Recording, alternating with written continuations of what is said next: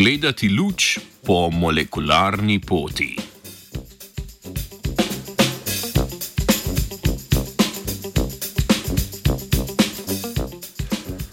Ribe cebrice so v nasprotju z ljudmi sposobne regenerirati očesno mrežnico ob poškodbi.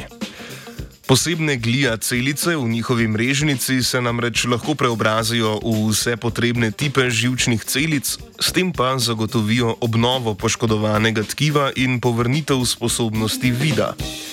Znanstvena skupina z Tehnične univerze v Dresdnu je raziskala spremembe v izražanju genov na nivoju posameznih celic, ki potekajo med takšno regeneracijo.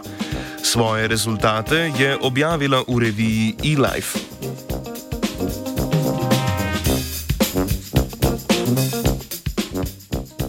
Mrežnica je pri cebricah sestavljena iz šestih različnih tipov nevronov in posebnih glija celic ki jih poznamo pod imenom Millerjeve celice.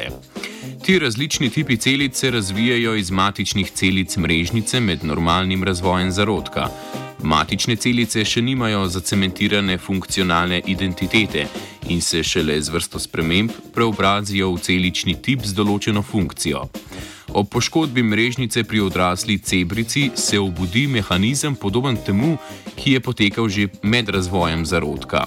Najprej se preomenjene Millerjeve celice odpo odpovejo svoji rigidni identiteti in spet postanejo identitetno fluidnejše, postanejo torej podobne matičnim celicam.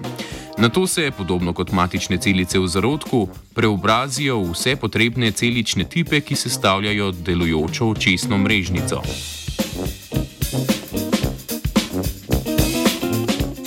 Mehanizem regeneracije torej v grobem razumemo, to grobo razumevanje pa so raziskovalci in raziskovalke v preteklosti pridobivali z analizami celičnih populacij.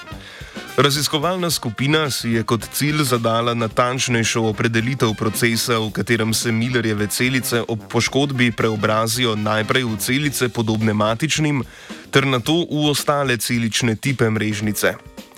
Podrobneje jih je zanimalo, kako se med obnovo spreminja izražanje genov. S tem namenom so uporabili metodo sekvenciranja, znano kot sekvenciranje single cell, s katero se določajo prisotne RNK molekule v posamezni celici v nekem trenutku.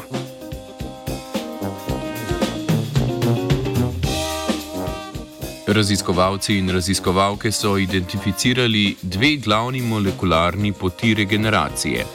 Millerjeve celice se ob poškodbi začnejo asimetrično deliti, pri čemer ena hčerinska celica ohrani svojo glija identiteto, druga pa se preobrazi v matično celico. Ta prehod se ne zgodi v času ene delitve. Raziskovalci so namreč odkrili tudi celice, ki izražajo tako gene značilne za glija celice, kot gene značilne za matične celice. Nastale matične celice na to začnejo izražati gene v podobnem sosledju, kot se izražajo med normalnim razvojem mrežnice v zarodku. Pri tem se ohrani tudi podoben vrstni red nastanka specifičnih celičnih tipov. Najprej se razvijajo ganglijske, na zadnje pa bipolarne celice mrežnice. Raziskava tako osvetljuje še en primer regeneracije, pri katerem so popravljalni mehanizmi podobni embrionalnim. Z Britov je pripravila Ela.